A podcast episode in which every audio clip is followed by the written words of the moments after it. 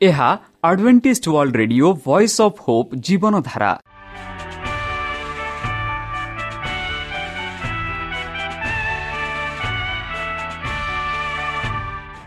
Odia radio କାର୍ଯ୍ୟକ୍ରମ ଯାହା ଆମର ଆନ୍ତର୍ଜାତୀୟ ଆଘାତ କେନ୍ଦ୍ରରୁ ପ୍ରସାରଣ କରାଯାଉଛି ପ୍ରତିଦିନ ରାତି ନଅଟା ତିରିଶ ମିନିଟ୍ରେ।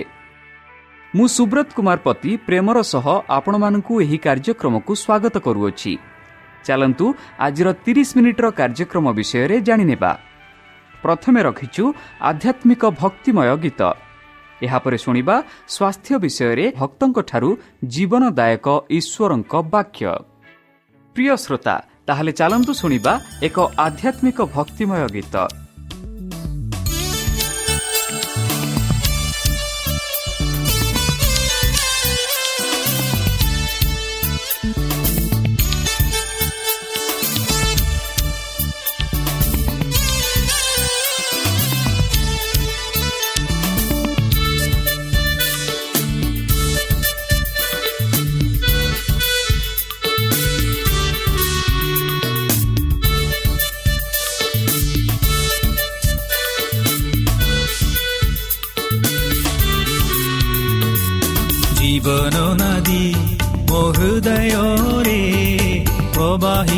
ପ୍ରବାହିତ କର ପ୍ରଭୁ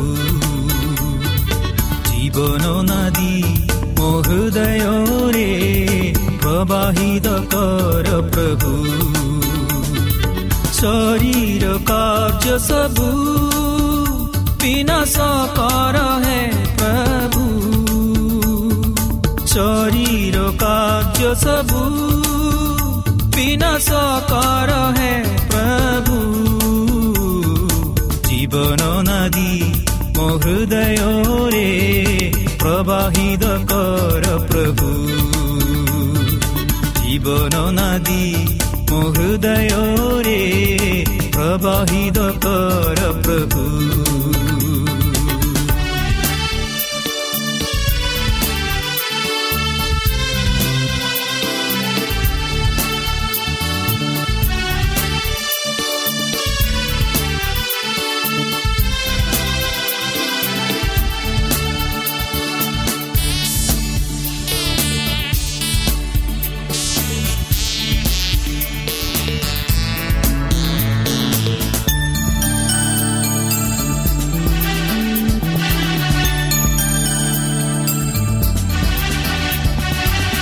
উজ্জ্বল সময়রে তব বল দিয় প্রভু দুর্বল সময়রে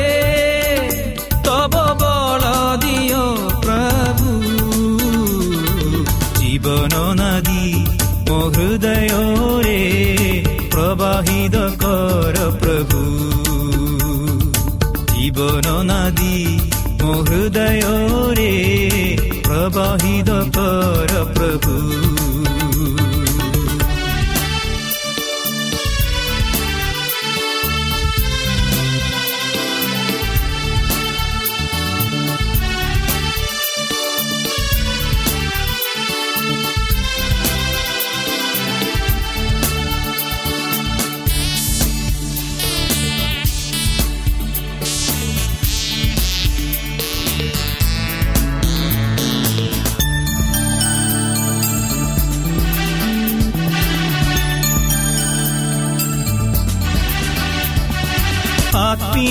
ପ୍ରଭୁ ଆତ୍ମିକ ଦାନ ସବୁରେ ମତେ ଅଭିଷେକ କର ପ୍ରଭୁ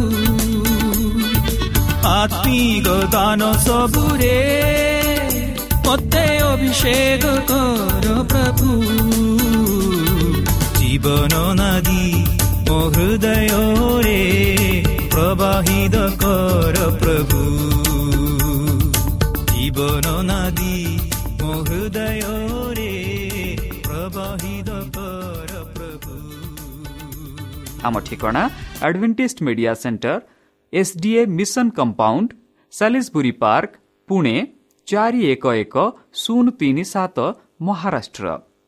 ବା ଖୋଲନ୍ତୁ ଆମର ୱେବସାଇଟ୍ ଯେକୌଣସି Android phone smartphone desktop laptop କିମ୍ବା ଟ୍ୟାବ୍ଲେଟ୍ ଆମର website W W W dot A W R dot O R G slash O R I ଏବଂ W W W dot Adventist Media Centre India dot O R G ବର୍ତ୍ତମାନ ଚାଲନ୍ତୁ ଶୁଣିବା ଈଶ୍ୱରଙ୍କ ଭକ୍ତଙ୍କଠାରୁ ଈଶ୍ୱରଙ୍କ ଜୀବନଦାୟକ ବାକ୍ୟ କ୍ଷମାର ପାପ ଭାଗ ଏକ ନମସ୍କାର ପ୍ରିୟ ଶ୍ରୋତା ସେହି ସର୍ବଶକ୍ତି ସର୍ବଜ୍ଞାନୀ ପ୍ରେମର ସାଗର ଦୟାମୟ ଅନ୍ତର୍ଜମୀ ଅନୁଗ୍ରହ ପରମ ପିତାଙ୍କ ମଧୁର ନାମରେ ମୁଁ ପାଷ୍ଟର ପୂର୍ଣ୍ଣଚନ୍ଦ୍ର ଆଉ ଥରେ ଆପଣମାନଙ୍କୁ ଏହି କାର୍ଯ୍ୟକ୍ରମରେ ସ୍ୱାଗତ କରୁଅଛି। ପ୍ରିୟସତା ସେହି ସର୍ବଶକ୍ତି ପରମେଶ୍ୱର ଆପଣମାନଙ୍କୁ ଆଶୀର୍ବାଦ କରନ୍ତୁ। ଆପଣଙ୍କୁ ସମସ୍ତ ପ୍ରକାର ଦୁଃଖ କଷ୍ଟ ବାଧା କ୍ଲେଶ ଓ ରୋଗରୁ ଦୂରେଇ ରଖନ୍ତୁ। ସେହି ପରମେଶ୍ୱର ଆପଣଙ୍କର ସମସ୍ତ ମନୋକାମନା ପୂର୍ଣ୍ଣ କରନ୍ତୁ।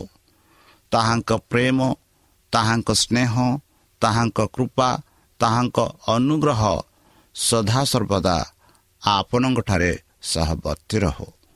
ପ୍ରିୟସତା ଚାଲନ୍ତୁ ଆଜି ଆମ୍ଭେମାନେ କିଛି ସମୟ ପବିତ୍ର ଶାସ୍ତ୍ର ବାଇବଲ୍ଠୁ ତାହାଙ୍କ ଜୀବନଦାୟକ ବାକ୍ୟ ଧ୍ୟାନ କରିବା। ବନ୍ଧୁ ଆଜି ବିଶେଷ ଆଲୋଚନା ହେଉଛି କ୍ଷମାର ମାପ। ମେଜର ଆମେ ଯାହା ଆମେ ଇଂରାଜୀ ଭାଷାରେ କହୁଅଛୁ।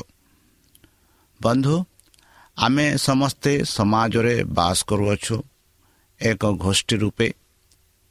ଆମେ ସମସ୍ତେ ଏହି ଦେଶରେ ବାସ କରୁଅଛୁ ଏହି ରାଜ୍ୟରେ ବାସ କରୁଅଛୁ। ଆଉ ପରସ୍ପର ଉପରେ ବିଶ୍ୱାସରେ ରହି ପ୍ରେମରେ ରହି ଆମେ ଚାଲିବା ପାଇଁ ଚେଷ୍ଟା କରିଥାଉ। ଆଉ ବେଳେ ବେଳେ ଆମମାନଙ୍କ ମଧ୍ୟରେ ଯଦି କୌଣସି ବ୍ୟକ୍ତି ଆମ ବିରୁଦ୍ଧରେ କିଛି ଅପରାଧ କରେ ତାହେଲେ ପ୍ରଭୁ କହନ୍ତି କି ଆମେ କ୍ଷମା କରିବା। ଆଜି ବିଶେଷ ଭାବରେ ଏଇ ଯେଉଁ କ୍ଷମାର ମାପ ବିଷୟରେ ଆମେ ଆଲୋଚନା କରିବା।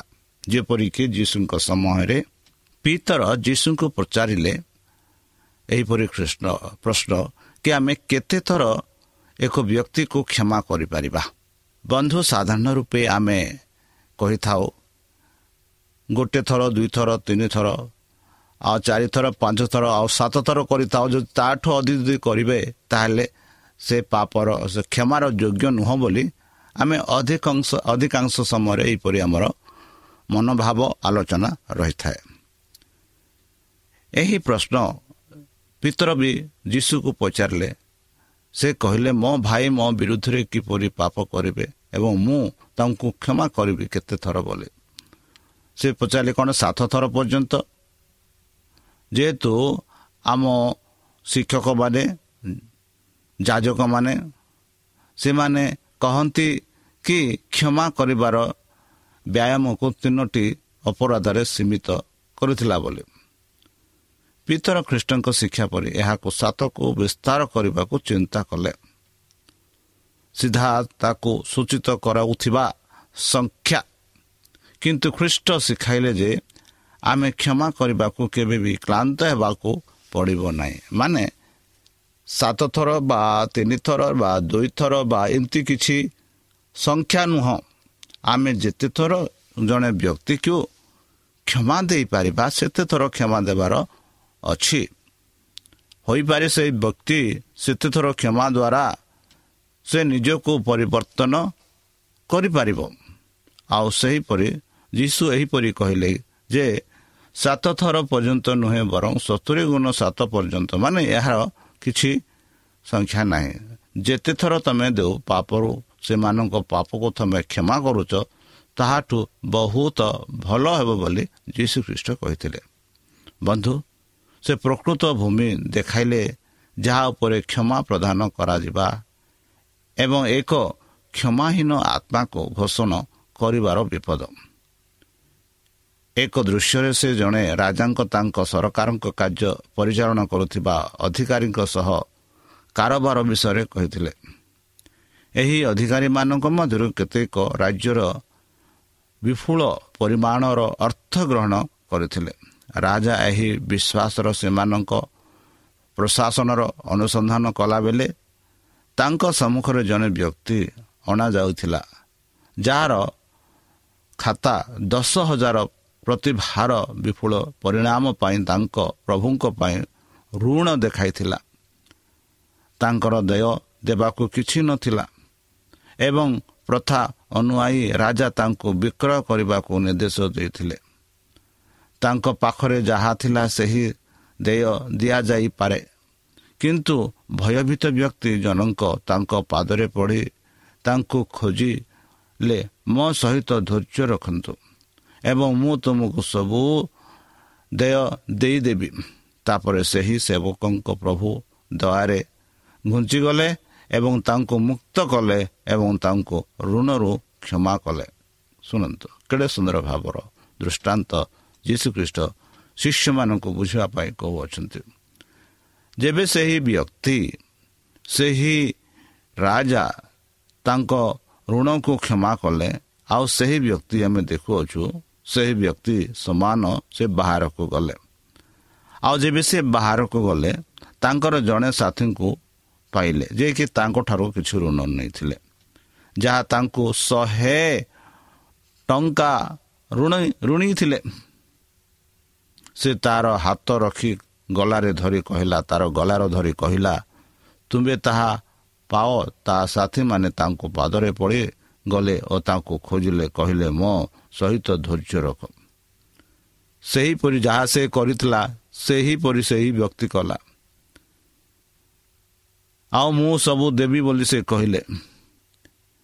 ଆଉ ମୁଁ ସେ କରିବି ନାହିଁ ବୋଲି କହିଲେ। କିନ୍ତୁ ଯାଉ ତାଙ୍କୁ ଜେଲରେ ପକାଇଦେଲେ ସେଇ ବ୍ୟକ୍ତିଟା ଯେ ଯେ କ୍ଷମା ପ୍ରାପ୍ତ ହୋଇଥିଲା ସେ କହିଲେ ଯେତେ ପର୍ଯ୍ୟନ୍ତ ମୋର ଋଣ ପରିଶୋଧ ନ ହେବ ସେତେ ପର୍ଯ୍ୟନ୍ତ ତୁମେ ଏହି କାରାଗାରରେ ରହିବ ବନ୍ଧୁ ଯେଣୁ ଯେତେବେଳେ ତାଙ୍କ ସାଥୀମାନେ ଦେଖିଲେ ଏହିସବୁ ସେମାନେ ବହୁତ ଦୁଃଖିତ ହେଲେ ବନ୍ଧୁ ଏବଂ ଆସି ସେମାନଙ୍କ ପ୍ରଭୁଙ୍କୁ ଯାହା କରାଯାଇଥିଲା ତାହା କହିଲେ ତାପରେ ସଦାପ୍ରଭୁ ସେ ତାଙ୍କୁ ଡାକିଲେ ତୁମ୍ଭେ ଦୁଷ୍ଟ ସେବକ। ତୁମ୍ଭେ ତୁମ୍ଭକୁ ସେହି ସବୁ ଋଣ କ୍ଷମା କରାଯାଇଥିଲା। କାରଣ ତୁମ୍ଭେ ମୋତେ ଇଚ୍ଛା କରୁଛ। ତୁମ୍ଭେ ତୁମର ସାଥୀମାନଙ୍କ ପ୍ରତି ଅନୁକମ୍ପ ମଧ୍ୟ କରିନଥିବ। ଏପରିକି ତୁମ ଉପରେ ଦୟା କରିଥିଲି ଏବଂ ତାଙ୍କ ପ୍ରଭୁ ପ୍ରଚୁର ହୋଇଥିଲେ ଏବଂ ତାଙ୍କୁ ଯନ୍ତ୍ରଣାଦାୟକ ପ୍ରଦାନ କରିଥିଲେ ବନ୍ଧୁ। ଯେ ପର୍ଯ୍ୟନ୍ତ ସେ ତାଙ୍କ ପାଇଁ ଯାହା ଦେୟ ଦେବା ଉଚିତ ତାହା ଦେବା ଉଚିତ ସେତେ ପର୍ଯ୍ୟନ୍ତ ସେ କାରାଗାରରେ ଥିବା ଉଚିତ ବୋଲି ସେହି ରାଜା କହିଥିଲେ ବନ୍ଧୁ ଏହି ଦୃଷ୍ଟାନ୍ତ ବିବରଣୀ ଉପସ୍ଥାପନା କରେ ଯାହା ତୃତୀୟ ପୂରଣ ପାଇଁ ଆବଶ୍ୟକ କିଛି ଯାହା ଆଧ୍ୟାତ୍ମିକ ମହତ୍ଵରେ କୌଣସି ପ୍ରତିପକ୍ଷ ନାହିଁ ଧନ ସେମାନଙ୍କ ଆଡ଼କୁ ସ୍ଥାନାନ୍ତରିତ ହେବା ଉଚିତ ନୁହେଁ କିଛି ମହାନ ସତ୍ୟ ଚରିତ୍ର ହୋଇଛି ଏବଂ ଏଗୁଡ଼ିକ ପାଇଁ ଆମର ଚିନ୍ତାଧାରା ଦିଆଯିବା ଉଚିତ। ଏହି ରାଜାଙ୍କ ଦ୍ୱାରା ଦିଆଯାଇଥିବା କ୍ଷମା ସମସ୍ତ ପାପର ଏକ ଦିବ୍ୟ ଈଶ୍ୱରୀୟ କ୍ଷମାକୁ ପ୍ରତିନିଧିତ୍ୱ କରୁଛି। ଖ୍ରୀଷ୍ଟ ରାଜାଙ୍କ ଦ୍ୱାରା ପ୍ରତିନିଧିତ୍ୱ କରନ୍ତି। ଯିଏ ଦୟାରେ ଚାଲିଗଲେ ତାଙ୍କ ସେବକ ଋଣକୁ କ୍ଷମା କଲେ ଭଙ୍ଗା ଆଇନର ନିନ୍ଦା ଅଧୀନରେ ବ୍ୟକ୍ତି ଥିଲେ ସେ ନିଜକୁ ବଞ୍ଚାଇ ପାରିଲେ ନାହିଁ ଏବଂ ଏହି କାରଣରୁ ଖ୍ରୀଷ୍ଟ ଏହି ଦୁନିଆକୁ ଆସିଲେ। ମାନବିକତା ସହିତ ତାଙ୍କର ଦିବ୍ୟତାକୁ ପୋଷକ ପିନ୍ଧିଲେ ଏବଂ ତାଙ୍କ ଜୀବନକୁ ଅନ୍ୟାୟ ପାଇଁ ଦେଲେ। ସେ ନିଜକୁ ଆମ ପାପ ପାଇଁ ଦେଇଥିଲେ ଏବଂ ପ୍ରତ୍ୟେକ ଆତ୍ମାକୁ ସେ ମୁଖ ଭାବରେ ରକ୍ତ କିନା କ୍ଷମା ପ୍ରଦାନ କରନ୍ତି। ପ୍ରଭୁଙ୍କ ସହିତ ଦୟା ଅଛି ଏବଂ ତାଙ୍କ ସହିତ ସବୁ ଭରି ଅଛି। ତାଙ୍କ ସହଠାରେ ହିଁ ଆମେ ମୁକ୍ତି ପାଇପାରିବା ବନ୍ଧୁ। ଏଠାରେ ସେହି ଭୂମି ଅଛି ଯାହା ଉପରେ ଆମେ ଆମର ସାଥୀ ପାପୀମାନଙ୍କ ପ୍ରତି ଦୟା କରିବା ଉଚିତ। ଯଦି ଈଶ୍ୱର ଆମକୁ ଏତେ ଭଲ ପାଆନ୍ତି ତେବେ ଆମେ ମଧ୍ୟ ପରସ୍ପରକୁ ଭଲ ପାଇବା ଉଚିତ। ଖ୍ରୀଷ୍ଟ କହନ୍ତି ମୁକ୍ତ ଭାବରେ ତୁମେ ଗ୍ରହଣ କରିଛ ଆଉ ତୁମେ ମୁକ୍ତ ଭାବରେ ତାହାକୁ ଅନ୍ୟମାନଙ୍କୁ ଦିଅ ବୋଲି। ଦୃଶ୍ୟରେ ଯେତେବେଳେ ଋଣତା ବିଳମ୍ବ ପାଇଁ ନିବେଦନ କଲେ ପ୍ରତିଶ୍ରୁତି ସହିତ ସେ କହିଲେ ମୋତେ ଧୈର୍ଯ୍ୟ ରଖ ଆରେ ମୋ ଠାରେ ଧୈର୍ଯ୍ୟ ରଖ ଏବଂ ମୁଁ ତୁମକୁ ସବୁ ଦୟା ଦେଇଦେବି। ଦଣ୍ଡ ପ୍ରତ୍ୟାହାର କରାଯାଇଥିଲା ବନ୍ଧୁ। ସମଗ୍ର ଋଣ ବାତିଲ କରାଯାଇଥିଲା ଏବଂ ତାଙ୍କୁ କ୍ଷମା କରିବାକୁ ଗୁରୁଙ୍କ ଉଦାହରଣ ଅନୁସରଣ କରିବାକୁ ତାଙ୍କୁ ଶୀଘ୍ର ସୁଯୋଗ ଦିଆଯାଇଥିଲା ବାହାରକୁ ଯାଇ ସେହି ବ୍ୟକ୍ତି ଜଣେ ସାଥୀ ସେବକଙ୍କୁ ଭେଟିଥିଲେ ଯିଏ ତାଙ୍କୁ ଏକ ଛୋଟ ହ୍ରାସ ଋଣ ନେଇଥିଲେ। ତାଙ୍କୁ ଦଶ ହଜାର ପ୍ରତି ଭା କ୍ଷମା କରାଯାଇଥିଲା। ଋଣ ଦାତା ତାଙ୍କୁ ଶହେ ଟଙ୍କା ଋଣ ଦେଇଥିଲେ କିନ୍ତୁ ତାଙ୍କୁ ଏତେ ଦୟାଲୁ ବ୍ୟବହାର କରାଯାଇଥିଲା ଯେ ତାଙ୍କ ସାଥୀ ଶ୍ରମିକ ସହ ସମ୍ପୂର୍ଣ୍ଣ ଭିନ୍ନ ଢଙ୍ଗରେ କାରବାର କରିଥିଲେ। ତାଙ୍କର ଋଣଦାତା ରାଜାଙ୍କୁ ନିଜେ କରିଥିବା ପରି ଏକ ଆବେଦନ କରିଥିଲେ। ସେ ଯେପରି କରିଥିଲେ ସେହି ଋଣ ଯିଏ ନେଇଛି ସେ ବି ସେହିପରି କଲେ। କିନ୍ତୁ ସମାନ ଫଳାଫଳ ବିନା ନିକଟରେ କ୍ଷମା ପାଇଥିବା ସେ କୋମଳ ହୃଦୟ ଏବଂ ଦୟନୀୟ ନଥିଲେ। ଦୟା ତାଙ୍କୁ ଦେଖାଇଲା ଯେ ସେ ତାଙ୍କ ସାଥୀ କର୍ମଚାରୀଙ୍କ ସହ କାରବାର କରିବାରେ ବ୍ୟାୟାମ କରିନାହାନ୍ତି। ଧୈର୍ଯ୍ୟ ଧରିବାକୁ ଅନୁରୋଧକୁ ସେ ଅନଦେଖା କରିନଥିଲେ। ତାଙ୍କ ଉପରେ ଥିବା ଛୋଟ ରାଶି ହେଉଛି ଆକୃତଜ୍ଞ ସେବକ ମନେ ରଖିବେ। ସେ ଯାହା ଭାବିଥିଲେ ତାହା ଦାବି କରିଥିଲେ ଏବଂ ତାଙ୍କ ପାଇଁ ଏତେ ଦୟାଳୁ ଭାବରେ ପ୍ରତ୍ୟାହାର ହୋଇଥିବା ବାକ୍ୟ ପରି ଏକ ବାକ୍ୟ କାର୍ଯ୍ୟକାରୀ ଥିଲା। ବନ୍ଧୁ ଆଜି କେତେ ଲୋକ ସମାନ ଆତ୍ମା ପ୍ରକାଶ କରନ୍ତି। ଯେତେବେଳେ ଋଣଦାତା ତାଙ୍କ ପ୍ରଭୁଙ୍କ ଦୟା ପାଇଁ ନିବେଦନ କଲେ ସେତେବେଳେ ତାଙ୍କ ଋଣର ମହାନତାର ପ୍ରକୃତ ଭାବନା ନଥିଲା। ସେ ତାଙ୍କର ଅସହାୟତା ହୃଦୟମଙ୍ଗ କରିନଥିଲେ। ସେ ନିଜକୁ ବିତରଣ କରିବାକୁ ଆଶା କରିଥିଲେ। ସେ କହନ୍ତି ମୋ ସହିତ ଧୈର୍ଯ୍ୟ ରଖନ୍ତୁ ଏବଂ ମୁଁ ତୁମକୁ ସମସ୍ତଙ୍କୁ ସମସ୍ତ ଦେୟ ଦେଇଦେବି। ତେଣୁ ଅନେକ ଅଛନ୍ତି ବନ୍ଧୁ ଯେଉଁମାନଙ୍କ ଈଶ୍ୱରଙ୍କ ଅନୁଗ୍ରହକୁ ଯୋଗ୍ୟତା ହେବା ପାଇଁ ନିଜ କାର୍ଯ୍ୟ ଦ୍ୱାରା ଆଶା କରନ୍ତି। ସେମାନେ ସେମାନଙ୍କର ଅସହାୟତାକୁ ହୃଦୟମଙ୍ଗ କରନ୍ତି ନାହିଁ। ସେମାନେ ଈଶ୍ୱରଙ୍କ ଅନୁଗ୍ରହକୁ ଏକ ମାଗଣା ଉପହାର ଭାବରେ ଗ୍ରହଣ କରନ୍ତି ନାହିଁ। କିନ୍ତୁ ଆତ୍ମା ଧାର୍ମିକତାରେ ନିଜକୁ ଗଢ଼ିବାକୁ ଚେଷ୍ଟା କରୁଛନ୍ତି। ପାପ ହେତୁ ସେମାନଙ୍କର ନିଜର ହୃଦୟ ଭାଙ୍ଗି ନାହିଁ ଏବଂ ନମ୍ର ନୁହେଁ ଏବଂ ସେମାନେ ଅନ୍ୟମାନଙ୍କ ପ୍ରତି ସଠିକ ଏବଂ କ୍ଷମାଯୋଗ୍ୟ ଈଶ୍ୱରଙ୍କ ବିରୁଦ୍ଧରେ ସେମାନଙ୍କ ନିଜ ପାପ ସେମାନଙ୍କ ବିରୁଦ୍ଧରେ ସେମାନଙ୍କ ଭାଇଙ୍କ ପାପ ତୁଳନାରେ ଦଶ ହଜାର ପ୍ରତିଭାରୁ ଶହେ ହୋଇଥାଏ। ପ୍ରାୟ ଏକ ନିୟୁତର ଗୋଟିଏ ତଥାପି ସେମାନେ କ୍ଷମା କରିବାକୁ ସାହାଯ୍ୟ କରନ୍ତି। ବନ୍ଧୁ ପରମେଶ୍ୱର ଦୟାଳୁ ଋଣଦାତାଙ୍କୁ ଡକାଇ କହିଲେ ହେ ଦୁଷ୍ଟ ସେବକ ମୁଁ ତୁମକୁ ସେହି ସମସ୍ତ ଋଣ କ୍ଷମା କରିଦେଇଥିଲି। କାରଣ ତୁମେ ମୋତେ ଇଚ୍ଛା କରୁଛ। ତୁମେ ମୋତେ ଏହିପରି ମାଗିଥିଲ। ତୁମର ସାଥୀମାନଙ୍କ ଉପରେ ତୁମେ ଦୟା ମଧ୍ୟ ରହିବା ଉଚିତ ନୁହେଁ କି? ଯେପରି ମୁଁ ତୁମକୁ ସେ ଦୟା ପ୍ରଦାନ କରିଥିଲି ଏପରିକି ମୁଁ ତୁମ ଉପରେ ଦୟା କରିଥିଲି ଏବଂ ତାଙ୍କ ପ୍ରଭୁ ପ୍ରବୃତ୍ତ ହୋଇଥିଲେ ଏବଂ ତାଙ୍କୁ ଯନ୍ତ୍ରଣାଦାୟକ ଯନ୍ତ୍ରଣାଦାତାଙ୍କୁ ପ୍ରଦାନ କରିଥିଲେ। ବନ୍ଧୁ ସେ କହିଲେ ଯେତେ ପର୍ଯ୍ୟନ୍ତ ସେ ତାଙ୍କ ପାଇଁ ଯାହା ଦେୟ ଦେବା ଉଚିତ ତାହା ଦେବା ଉଚିତ। ଯୀଶୁ କହିଛନ୍ତି ଏହିପରି ବନ୍ଧୁ ସେହିପରି ମୋର ସ୍ୱର୍ଗୀୟ ପିତା ମଧ୍ୟ ତୁମକୁ କରିବେ। ଯଦି ତୁମେ ତୁମ ହୃଦୟରୁ ତୁମ ଭାଇର ପ୍ରତ୍ୟେକଙ୍କୁ ସେମାନଙ୍କ ଅନଧିକାର ପ୍ରବେଶ କ୍ଷମା ନ କର ନାହିଁ ଯିଏ କ୍ଷମା କରିବାକୁ ମନା କରନ୍ତି ସେ ଏହା ଦ୍ୱାରା କ୍ଷମା କରିବାର ନିଜ ଆଶାକୁ ଦୂରେ କରୁଛନ୍ତି କିନ୍ତୁ ଏହି ଦୃଷ୍ଟାନ୍ତର ଶିକ୍ଷା ଭୁଲ ପ୍ରୟୋଗ କରାଯିବା ଉଚିତ ନୁହେଁ ବନ୍ଧୁ। ଆମ ପ୍ରତି ଈଶ୍ୱରଙ୍କ କ୍ଷମା ତାଙ୍କୁ ମାନିବା ଆମର କର୍ତ୍ତବ୍ୟକୁ କୌଣସି ଜ୍ଞାନରେ ହ୍ରାସ କରେ ନାହିଁ।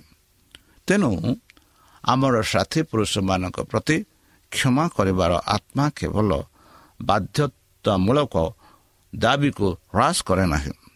ଖ୍ରୀଷ୍ଟ ତାଙ୍କ ଶିଷ୍ୟମାନଙ୍କୁ ଶିକ୍ଷା ଦେଇଥିବା ପ୍ରାର୍ଥନାରେ ସେ କହିଥିଲେ ଆମେ ଆମର ଋଣଦାତାଙ୍କୁ କ୍ଷମା କରୁ ଯେହେତୁ ଆମେ ଆମର ଋଣଦାତାଙ୍କୁ କ୍ଷମା କରୁ। ସେ କହିଲେ ଆମର ପାପ କ୍ଷମା କର ଯେହେତୁ ଆମେ ଯେଉଁ ଲୋକ ଆମମାନଙ୍କୁ ପାପ କରିଛନ୍ତି ସେମାନଙ୍କୁ ଆମେ କ୍ଷମା କରୁ। ବନ୍ଧୁ ସେହିପରି ଯୀଶୁ ଖ୍ରୀଷ୍ଟ ପ୍ରାର୍ଥନାରେ ଶିଖାଇଥିଲେ। ଏହାଦ୍ୱାରା ସେ ଅର୍ଥ ନ କରିଥିଲେ ଯେ ଆମର ପାପକୁ କ୍ଷମା କରିବା ପାଇଁ ଆମକୁ ଆମର ଋଣଦାତାଙ୍କ ଠାରୁ ଆମର କେବଳ ଦେୟ ଆବଶ୍ୟକ କରିବା ଉଚିତ ନୁହେଁ। ଯଦି ସେମାନେ ଦେୟ ଦେଇପାରିବେ ନାହିଁ ଯଦିଓ ଏହାର ଅଜ୍ଞାନ ପରିଚାଳନାର ଫଳାଫଳ ହୋଇପାରେ। ସେମାନଙ୍କୁ ଜେଲରେ ପକାଇବା ଅତ୍ୟାଚାର କିମ୍ବା କଠୋର ବ୍ୟବହାର କରିବା ଉଚିତ ନୁହେଁ। କିନ୍ତୁ ଦୃଶ୍ୟ ଆମକୁ ଅପ ଅପାରତକୁ ଉତ୍ସାହିତ କରିବାକୁ ଶିଖାଏ ନାହିଁ। ଈଶ୍ୱରଙ୍କ ବାକ୍ୟ ଘୋଷଣା କରେ ଯେ ଯଦି ଜଣେ ପୁରୁଷ କାମ କରିବ ନାହିଁ ତେବେ ସେ ଖାଇବ ନାହିଁ। ପ୍ରଭୁ କଠିନ ପରିଶ୍ରମୀ ବ୍ୟକ୍ତିଙ୍କ ନିଷ୍କ୍ରିୟତାରେ ଅନ୍ୟମାନଙ୍କୁ ସମର୍ଥନ କରିବାକୁ ଆବଶ୍ୟକ କରନ୍ତି ନାହିଁ।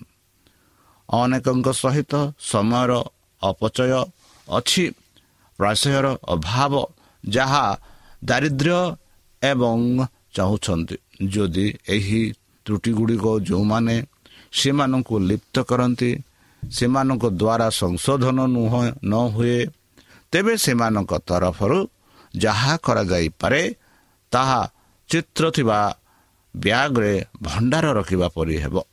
ତଥାପି ଏକ ଅପରିହାର୍ଯ୍ୟ ଦାରିଦ୍ର୍ୟ ଅଛି ଏବଂ ଯେଉଁମାନେ ଦୁର୍ଭାଗ୍ୟଜନକ ସେମାନଙ୍କ ପ୍ରତି କୋମଳଦାତା ଏବଂ ଦୟା ପ୍ରକାଶ କରିବାକୁ ପଡ଼ିବ। ଆମେ ଅନ୍ୟମାନଙ୍କ ସହିତ ଯେପରି ବ୍ୟବହାର କରିବା ଉଚିତ ଯେପରି ଆମେ ନିଜେ ପରିସ୍ଥିତିରେ ବ୍ୟବହାର କରିବାକୁ ଚାହୁଁ। ବନ୍ଧୁ ପ୍ରେରିତ ପାଉଲଙ୍କ ମାଧ୍ୟମରେ ପବିତ୍ର ଆତ୍ମା ଆମକୁ ଚାର୍ଜ କରେ। ଯଦି ଖ୍ରୀଷ୍ଟଙ୍କ ମାଧ୍ୟମରେ କୌଣସି ସ୍ୱାନ୍ତନା ଥାଏ ଯଦି ପ୍ରେମର କୌଣସି ଆରାମ ଥାଏ ଯଦି ଆତ୍ମାର କୌଣସି ଯଦି କୌଣସି ଅନ୍ତଣଲି ଏବଂ ମର୍ଷ ତୁମର ଆନନ୍ଦ ପୂରଣ କରେ ତୁମେ ସମାନର ମନ ସମାନ ପ୍ରେମ ଗୋଟିଏ ମନ ଗୋଟିଏ ମୋହନ କଲହ କିମ୍ବା ବୃଥା ଗୌରବର ମାଧ୍ୟମରେ କିଛି କରାଯାଏ ନାହିଁ କିନ୍ତୁ ମନର ନିମ୍ନତାରେ ପରସ୍ପରକୁ ନିଜ ଅପେକ୍ଷା ଭଲ ସମ୍ମାନ ଦେବାକୁ ଦିଅ ବୋଲି ଫିଲିପିଓ ଦୁଇ ଏକ ଟୁ ପାଞ୍ଚ ପର୍ଯ୍ୟନ୍ତ ସାଧୁପାଲ ଏହିପରି ବିବର୍ଣ୍ଣ ଏହିପରି କହୁଅଛନ୍ତି ପ୍ରତ୍ୟେକ ବ୍ୟକ୍ତିଙ୍କୁ ନିଜ ଜିନିଷରେ ନୁହେଁ ବରଂ ପ୍ରତ୍ୟେକ ବ୍ୟକ୍ତି ଅନ୍ୟମାନଙ୍କ ଜିନିଷ ଉପରେ ମଧ୍ୟ ଦେଖନ୍ତି ବୋଲି। ଏହି ମନ ତୁମ ଉପରେ ହେଉ ଯାହା ଖ୍ରୀଷ୍ଟଙ୍କ ମଧ୍ୟରେ ଥିଲା ବୋଲି ସେ ଭାଇ ଖ୍ରୀଷ୍ଟିଆନ ମାନଙ୍କୁ କହୁଅଛନ୍ତି। କିନ୍ତୁ ପାପକୁ ହାଲୁକା ଭାବରେ ବିବେଚନା କରାଯିବା ଉଚିତ ନୁହେଁ ବନ୍ଧୁ। ପ୍ରଭୁ ଆମକୁ ଆମ ଭାଇ ଉପରେ ଭୁଲ ନ ହେବାକୁ ନିର୍ଦ୍ଦେଶ ଦେଇଛନ୍ତି। ସେ କୁହନ୍ତି ଯଦି ତୁମର ଭାଇ ତୁମ ବିରୁଦ୍ଧରେ ଅନଧିକାର ପ୍ରବେଶ କରନ୍ତି ତେବେ ତାଙ୍କୁ ଭର୍ଜନା କର ବୋଲି। ପାପକୁ ଏହାର ସଠିକ ନାମରେ ଡାକ ବୋଲି ଏବଂ ଭୁଲ କାର୍ଯ୍ୟକାରୀଙ୍କ ସମ୍ମୁଖରେ ସ୍ପଷ୍ଟ ଭାବରେ ଦେଖାଅ ବୋଲି। ବନ୍ଧୁ ତିମତି ତାଙ୍କ ଦାୟିତ୍ୱରେ ପାଉଲ ପବିତ୍ର ଆତ୍ମା ଦ୍ୱାରା ଲେଖିଥିଲେ ଏହିପରି ଋତୁରେ ଋତୁ ବାହାରେ ତୁରନ୍ତ ହୁଅ ସମସ୍ତ ଦୀର୍ଘ ଯନ୍ତ୍ରଣା ଏବଂ ତତ୍ପ ସହିତ ପୁନଃ ପ୍ରମାଣ ବର୍ଜନା ପରାମର୍ଶ ଏବଂ ଯେପରି ଟିଟସ୍କୁ ସେ ଲେଖିଛନ୍ତି ସେଠାରେ ଅନେକ ନିୟମିତ ଏବଂ ବୃଥା କଥାବାର୍ତ୍ତାକାରୀ ଏବଂ ପ୍ରତାରଣ ଅଛି ଯେଉଁଠାରେ ସେମାନଙ୍କୁ ତୀବ୍ର ବର୍ଜନା କରାଯାଏ ଯେ ସେମାନେ ବିଶ୍ୱାସରେ ବାକ୍ୟ ଦେଇପାରନ୍ତି ବନ୍ଧୁ ଖ୍ରୀଷ୍ଟ କହିଛନ୍ତି ଯଦି ତୁମ ଭାଇ ତୁମ ବିରୁଦ୍ଧରେ ଅନଧିକାର ପ୍ରବେଶ କରିବ ତେବେ ଯାଅ ଏବଂ ତାଙ୍କୁ ଏକୁଟିଆ ତୁମ ଏବଂ ତାଙ୍କ ମଧ୍ୟରେ ତାଙ୍କର ଦୋଷ କୁହ। ଯଦି ସେ ତୁମକୁ ଶୁଣିବ ତାହେଲେ ଭଲ। କିନ୍ତୁ ଯଦି ସେ ତୁମ କଥା ନ ଶୁଣିବ ତାହେଲେ ଦୁଇ ବ୍ୟକ୍ତି କି ନୁହଁ ଦୁଇ ପ୍ରାଚୀନକୁ ନେଇ ସେଇ ବିଷୟରେ ବୁଝାଅ। ଯଦି ତାହା ବି ନ କରିବ ତାହେଲେ ମଣ୍ଡଳୀକୁ ନିଅ ଆଉ ମଣ୍ଡଳୀକୁ ଜଣାଅ ଆଉ ପ୍ରଭୁଙ୍କ ଦ୍ୱାରା ଯାହା ହେବ ତାପରେ ଏହିପରି ଆମେ ଦେଖୁଅଛୁ ବନ୍ଧୁ ପାପର କ୍ଷମା ସେହି ପରମେଶ୍ୱର ଆମମାନଙ୍କୁ ପାପ କ୍ଷମା କରିଛନ୍ତି ଆଉ ଆମମାନେ ଆମ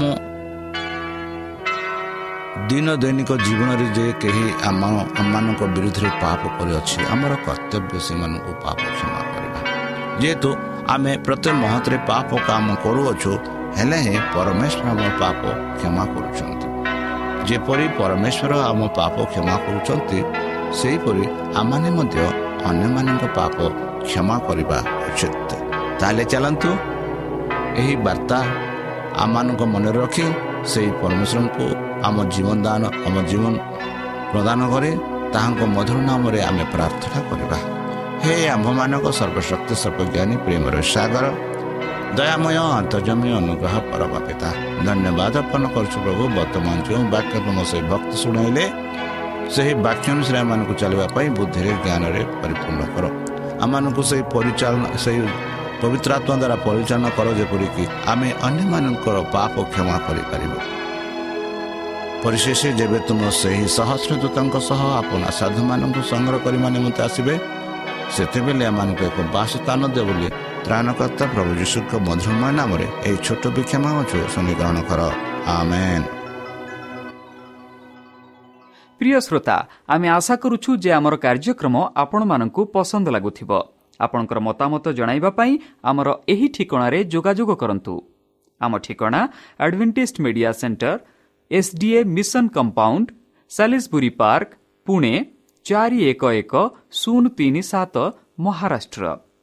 ବା ଖୋଲନ୍ତୁ ଆମର ୱେବସାଇଟ୍ ଯେକୌଣସି Android phone smartphone desktop laptop କିମ୍ବା ଟ୍ୟାବ୍ଲେଟ୍ ଆମର website W W W dot A W R dot O R G slash O R I ଏବଂ W W W dot Adventist Media Centre India dot O R G Adventist Media Centre ଇଣ୍ଡିଆର spelling ହେଉଛି A D V E N T I S T M E D I A C E N T R E I N D I A ଅଥବା download କରନ୍ତୁ ଆମର mobile app ଆପଣଙ୍କର mobile play ଷ୍ଟୋରକୁ ଯାଆନ୍ତୁ ଆଉ type କରନ୍ତୁ the Voice of Hope ଆଉ download କରନ୍ତୁ। ଈଶ୍ୱର ଆପଣଙ୍କୁ ଆଶୀର୍ବାଦ କରନ୍ତୁ। ଧନ୍ୟବାଦ।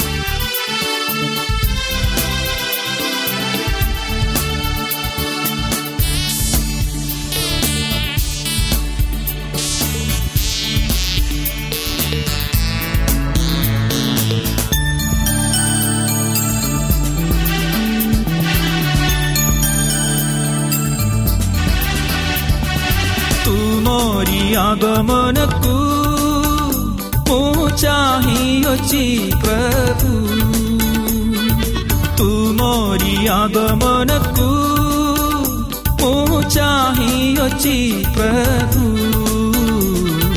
ଜୀବନ ନଦୀ ମୋ ହୃଦୟରେ ପ୍ରବାହିତ କର ପ୍ରଭୁ ଜୀବନ ନଦୀ ମୋ हिदकर